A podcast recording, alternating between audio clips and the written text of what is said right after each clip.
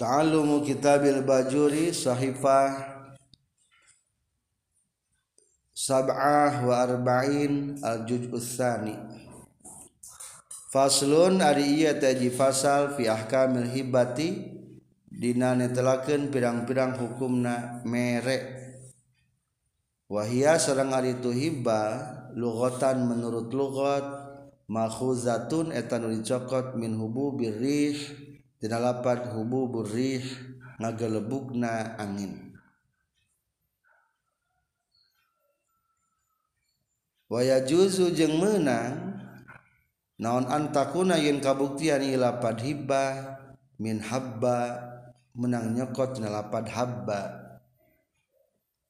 Artina habba nyaring jalma min naumihi tina sarena iza kodo di mana mana nyaring jalma. Fakaan nafa ilaha maka kaya kaya saya itu dan numigawe karena ia hibah istai kodo etages nyaring is bangkit lil ihsani pikeun gawe HD Pasal iya rek ngajelaskan tentang hibah pemberian atau merek secara arti kata bisa diambil daripada dua kata. Hiji hubu burih artinya ngagelebugna angin. Ikhlas angin mah ngagelebugna. Tepura menta buruhan coba lamun eueuh angin lamun bau hitut napal kena irung. Dawa angin. Untung aya angin jadi eueuh. Jadi ternyata ku ayana hibah teh pemberian teh angin segar. Mata kesok kayak gitu nya duh. Alhamdulillah saya dapat angin segar. Angin segar teh ketika orang menang pemberian baik informasi atau hadiah yang mengembirakan. Disebut angin segarnya dan emang bahasa lagi apa hib hibah. Kedua hibah teh bisa diambil tina kata naon? Habba min naumihi. Bangkit dari tidur. Asal lama malas karena gawe HD tiba-tiba ingin berbuat baik. Terjadi arti nahibate bangkit kepada kebaikan. Jadi emang ku ayana gawe HD matak menaikkan rating atau nilai engke orang pahala di akhirat. Mana dasar anu ngajadikeun kana ayana hibah? Adalah firman Allah Subhanahu wa taala. Tina lapad makhudatun ka tengah beta ngomongkeun qabla al ijma'i ayatun ka qouli ta'ala wa ta'awanu 'alal birri wat taqwa ada? Kudu kudu silih bantu marane kami kana kehadian jeung kana ketakwaan. Jadi termasuk kana ta'awanu 'alal birri ibadah kedua sami berdasarkan firman Allah kene wa atal mala ala hubbihi. Wa ata jeung mere jalma al mala kana harta. Maksudna mah mengeluarkan harta ala hubbihi netepan kana cintana ieu mal. Padahal mah resep keneh kana harta teh tapi dibikeun eta nu alus luar biasa. Wa atal mala ala hubbihi Ari orang mah kadang-kadang mereka lamun geus teresep. Dalam geus butut. Talus sama merek mempang alus nama merek keresepna. Katilu satu jajar ke bawah adalah hadis riwayat Bukhari Muslim la tahkiranna jaratun li jaratihi la tahkiranna janganlah menghinakan saha jarotun satu tetangga. Lijaroti kepada tetangga yang lain. Walau farsana satin meskipun kuceker domba. Itu maksudnya mah kernerangkan tentang sodako pepeje lamun tatangga dibere ku tatangga sanajan ceker domba ulah sok ngahinakeun tarimakeun. diberi permen hiji tepira tarima ke? Diberi hibah korma sasiki rek buka puasa tarima ke? Kita tangga etanya. Hadisna. Dua jajar ke bawah. Rukun hibah aya sabaraha. Wa arkanuha bil ma'na khos salah satu ayatil hiji akidun. Jalmi anu akad. Berarti nu akad dua anu sinanya hiji saha? Wahib. Ari wahib teh pemberi. Kedua mauhubulah orang yang diberi. Non pemberi ngaranna syaratna wahib. Nu diberi namanya mauhubu lah makalah mauhubulah rukun kedua wamahubun naon artosna pemberianana barang nu dibikeun naon? Katilu segat bahasana.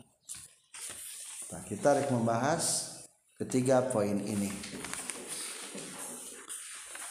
Wahia sarang arihi ba fi syar'i numutkeun hukum syara tamlikun eta ngamilikeun munjizun anu kontan mutlakun anu dimutlakeun.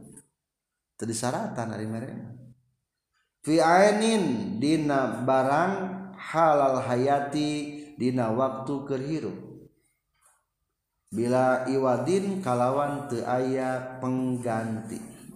Walau minal a'la sanajan ti saluhureun.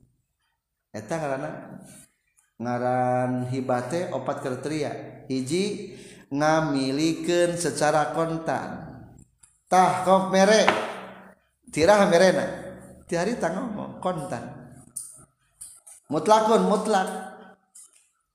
Tah kop merenya tapi ulah bangor. Teu berlaku sebenarnya masalah tapi ulah bangor teh. Ngarayu bungkul eta mah.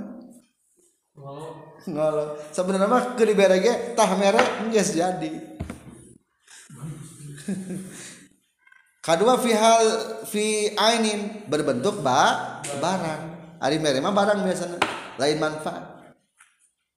Lamun mere manfaat mah ngaranna ibahah ngamunangkeun. Tah domba rek diperas masuk peras susuna bisa ngayang anakna kop anakna. Urus domba na Nah, eta mah mere manfaat berarti teh domba eta mah sebenarnya lain hibah tapi ibahah.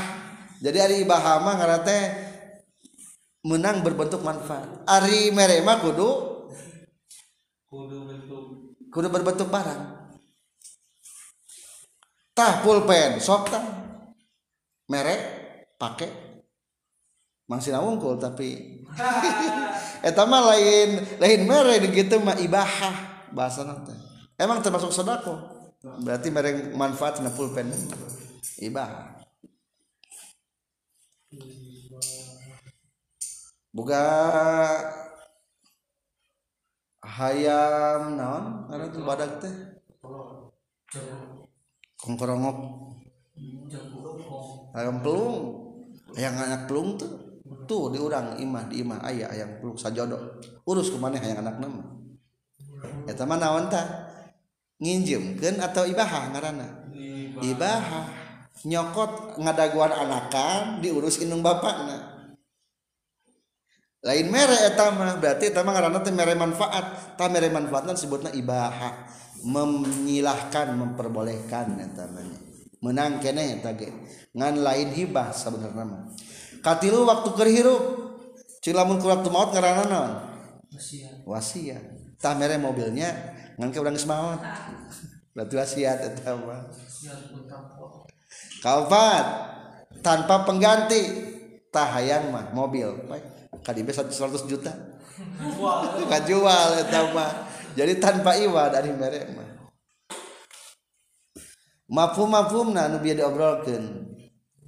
Fa kharaja maka keluar bil munjizi ku lapan munjiz kontan non al wasiyatu wasiat wasiat mah sabiraha sabada maut. Wabil mutlaki jeung kaluar ku lapan mutlak. Tulis lapan wa kharaja hanapeunana wabil mutlaki jeung wa kharaja ku lapan mutlak. Naon at-tamliku ngamilikeun al muaqqatu nu di waktu-waktu. Tahqab mere ngan setahunan sebenarnya mah teu sah.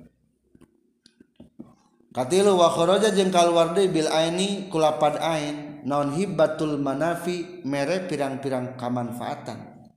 Eta mah lain mere ciri aninya ngarana ibahah mempersilahkan atau membolehkan. Lain hibah eta mah mere manfaatna. Wa kharaja jeung kaluar deui bi hal hayati kulapad hal hayat waktu hirup non al wasiyatu wasiat. Hari wasiat mah kudu geus mau eta definisitina hibah jeung berikut geus di mafhum mukhalafah supaya bisa membedakan mana hibah mana bukan. Wala tasihu jeung tesah non al hibatu hibah ila bi ijabin kajabakul aya ijab. Wa qabulin jeung aya qabul. Labdon kalawan diulapadkeun.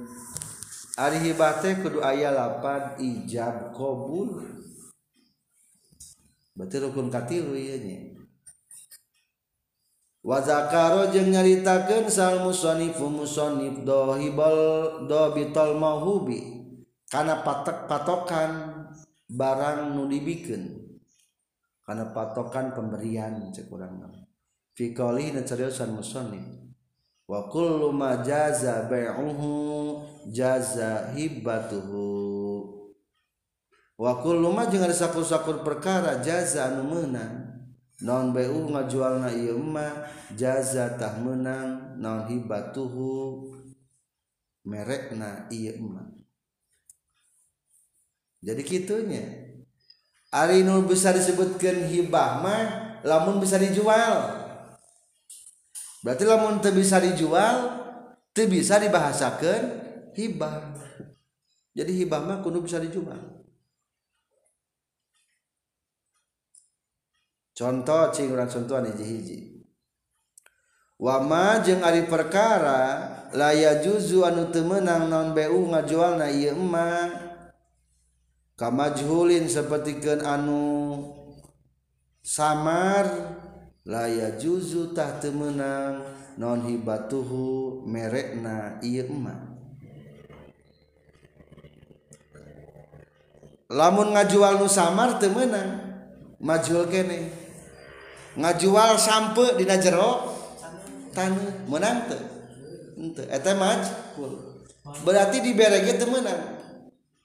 Boting maya naonan da maju. Tah mere sampe di jero tanah hayang sampe mah alaan besok sebenarnya mah mah lain lain hibah eta. Ibah mempersilahkan eta.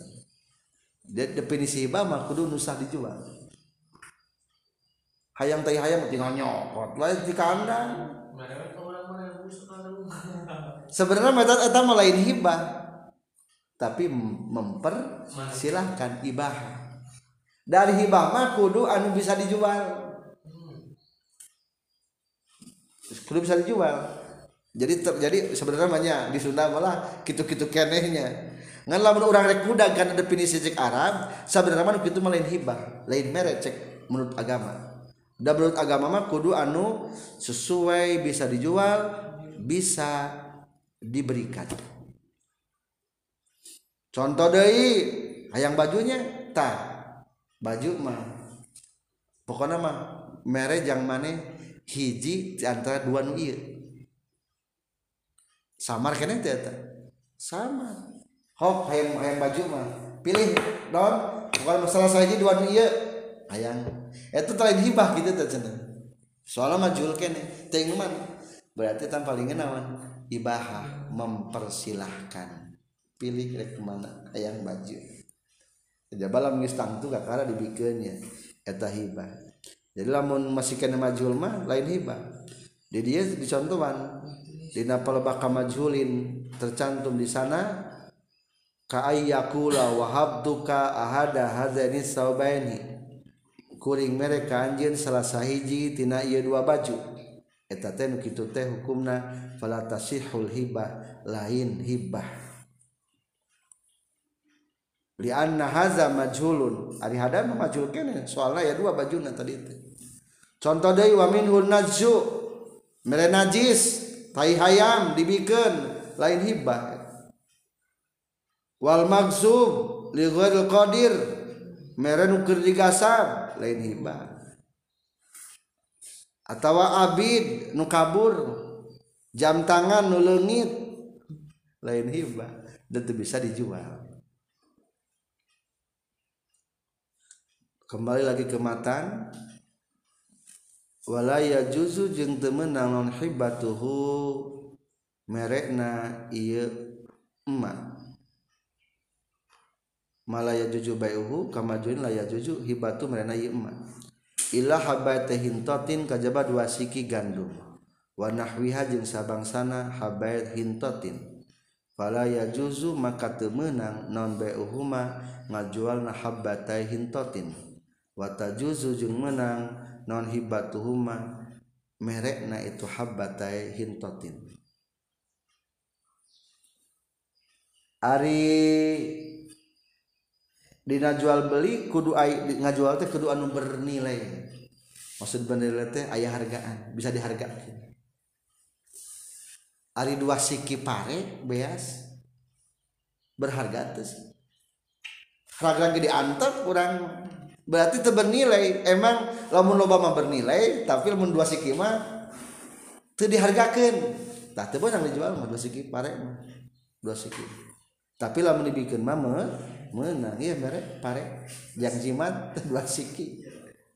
Jadi ayah iya mah kena jelaskan bahwa ayah perkara anu dijual mah menang nyata nuuh nilaian dua siki pare. Tapi dibikin mah menang. wala tumlaku jeung teu bisa dipimilik ieu hibah. Wala tazamu jeung teu misti ieu hib naon al hibatu hibah. Illa bil qabdi kajaba ku ditampa. Jadi lamun can qabil tu can dikobad ditarima ku leungeun can jadi mana teh di penta deui ge meunang can dinaon mah can dikobad mah. tarima mana? Merek itu aya iya. Aya dahareun yang buka. Mana tuh? Engke Ari engke mah can can pugu berarti. Can maka can maka diterima can jadi berang berang tapi merek ge kudu biiznil wahibi kalawan izin anu merek hayang teu buah. Kakak ngomong gitu langsung langsung tubruk can izinan. Teu meunang jadi kudu aya iznil wahib hayang teu bala-bala dirontok langsung disamualkeun am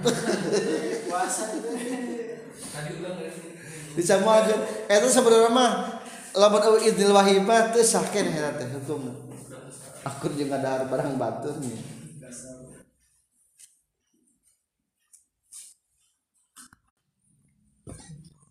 Falau mata makalamun maut sahal mahu bulan jalma nu diberekna. Awil wahibi atawa awil wahibu atawa jalma nu merekna. Qabla qabdihi dina samemeh nampakna itu si mahu bulah alhibata kana hibah. lamtan fasahtah tenarima pasah.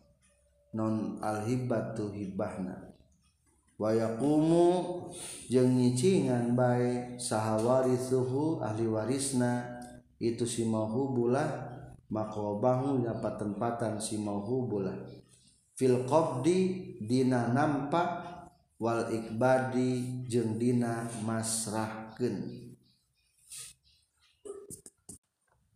jadi akan telakin luzumna. Luzum teh tumerusna. Nupuz. Wala tazamul hibah can jadi tumerus. Can bisa berlangsung jual beli ayon. Barang bere kajaba lamun geus ditarima. Tapi kudu aya izin disiwahib atuh lamun nurek dibere na kabur maut manten kulantaran can lujum tadi ge can beres narima pamere maka tepasah eta barang bere. Berdirilah para ahli waris di tempatan jalma dibere. Terus ke ke sana ku ahli waris. Dina, seperti kena jual beli. Gus meli Ari pala balik dibikur dibikin rumah mau rumah gantian meku ahli waris di segi kobduna menerima eta barang nyakitu deui dina merege. Jadi katarimana mere mah lamun geus dikobad ku pihak si mahubulah nu diberekna. Menang teu mere mere dipenta deui. Cek sunana mah ngaletak ciduh. Geus diciduhkeun tapi diletak deui. gele pabaik letahnya ulah pepoje lamun geus ditarima teu meunang ditagih deui. Wa iza qabada jeung di mana-mana geus nampa ha kana hibba saha al mahubulah jalma nu diberekna. Lam yakun tah teu kabuktian lil wahibi pikeun jalmi anu mere naon ayarjia yen bedo atau balik deui ieu si wahib fiha dina hibbah. Illa ayyakuna kajaba yen kabuktian si wahid walidan eta bapakna. Wa in ala jeung sanajan kaluhur itu walid. Jadi Kadek lamun ge mere menang di penta temenang terjadi terjadi di penta deui geus merema. Geus lacak da geus dibi dibikeun kajaba nu benang dibikeun mah lamun merena bapak mere motor ka budakna sugan teh dipake bener motor teh. Kalau dipake ka males ngaji. Ah di penta deui ke bapana menang teh. Menang.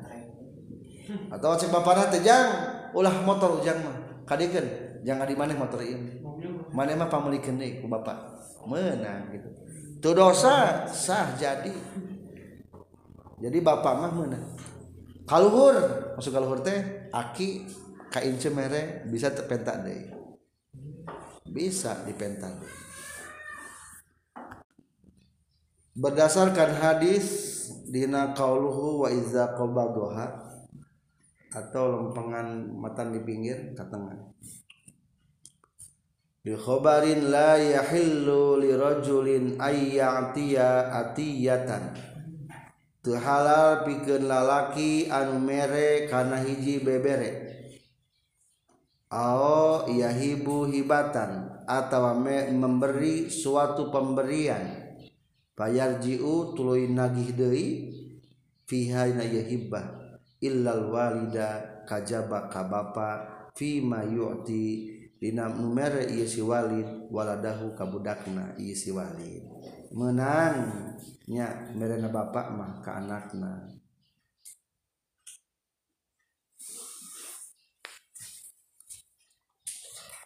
Titik tentang men menagih pemberian deui. Menang teu di waktuan sok aya biasa nama anak kak emak ma tah mas pake ku ma mere ngan sabot keur hirup mah we sekaya kitu aya eta teh kitu teh Engke mah wayahna mah teh da geus tahun salawat mah dicokot we deui ku abdi. Moal bikin kaalan cek sejenna ka abdi moal. Ek cokot deui ku abdi. Kumaha tah hukumna lamun kitu. menang teh waiza amaro jeung di mana-mana ngaumuran saha sasun jalma. Jeung di mana-mana ngaumurkeun. Maksud ngaumurkeun teh mere di umuran. Saha sunjalma sayan kana hiji perkara. Aidaron tegesna kana imah masalan umpamana. Kakaulihi seperti ucapanana si sahos amartuka hadihi daro. Panjangkan logatna ame ka hartos. Mere kuring ka anjeun kana saumur hirup. Amartu mere kuring ka anjeun kana saumur hirup. Ka ka anjeun hadihi daro kana ya iman. itu bahasa nanti mere tahma mere emas. Ngan seumur hirup ma atau kia bahasa nanti au urakibu urakibuhu iyaha. Panjangkeun deui urakibu mere kuring ka anjen saumur hirup anjen lamun pae anjeun ti heula barang balik deui ka kuring. Dipanjangkeun ka tengah. Tulis ha tulis ka tengah. Kana sarah tulisna. Ulangi deui mere kuring ka anjeun saumur hirup anjeun. Lamun paeh anjeun ti heula barang balik deui ka kuring. hu kasih mauhubulah iyaha karena iya hibah. Contoh kakoli seperti ucapan sahos urok arkob tuka merek kau kuring ka anjen saumur hirup anjen lamun paeh anjen tihela barang balik deh kakuring ka ka anjeun hadhihi daro kana ieu imah.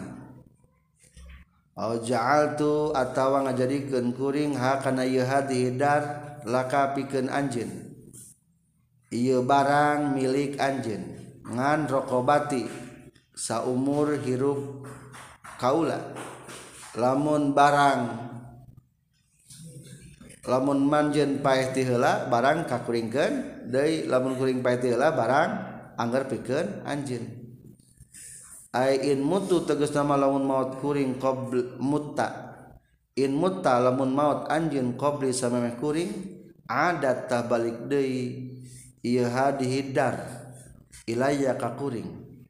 Wa in mutu lamun maut kuring qabla ka samemeh anjin istaqarra tah tumattap ieu hadihidar laka pikeun anjin Pakobila tuluy narima itu si mahubulah nu diberek wakobado jeung dikoba itu mahubulah cing jadi teh lamun kitu marena. Jadi itu berlaku tersyaratna karena tak kabuktian nondalika sayu itu perkara lil muamari eta pikeun jalma nu di umuran aulil muraqabi atau pikeun anu di muraqaban kan tadi bahasa tentang muraqabnya lamun amar mah amar tukan simpulna jadi eta barang merekna. Jadi. Syaratnya berlaku tuh lamun maut balik dari kan merek kulantan cek tadi barang barang mah menang di pentade terjadi syaratnya bilab dismil maf'uli kalawan lapad isi maf'ul. Fihi ma lapad muammar jeung muraqqab wali warasati jeung pikeun ahli warisna itu si muammar jeung muraqqab wayalgu jeung nganggur. Non asartul mazkur. Syarat anu geus dicaritakeun. Simpulna merek nama jadi ngan syarat nama teu berlaku. eta si neng mereka si makna jadi mereka emasna lamun si mana maut terbalik deh wayah nabagikan bukan warisna da berlaku hibahna. Eh berlaku syarat syaratna Subhanakallahumma bihamdika asyhadu an la ilaha illa anta astaghfiruka wa atubu ilaik. Rabbin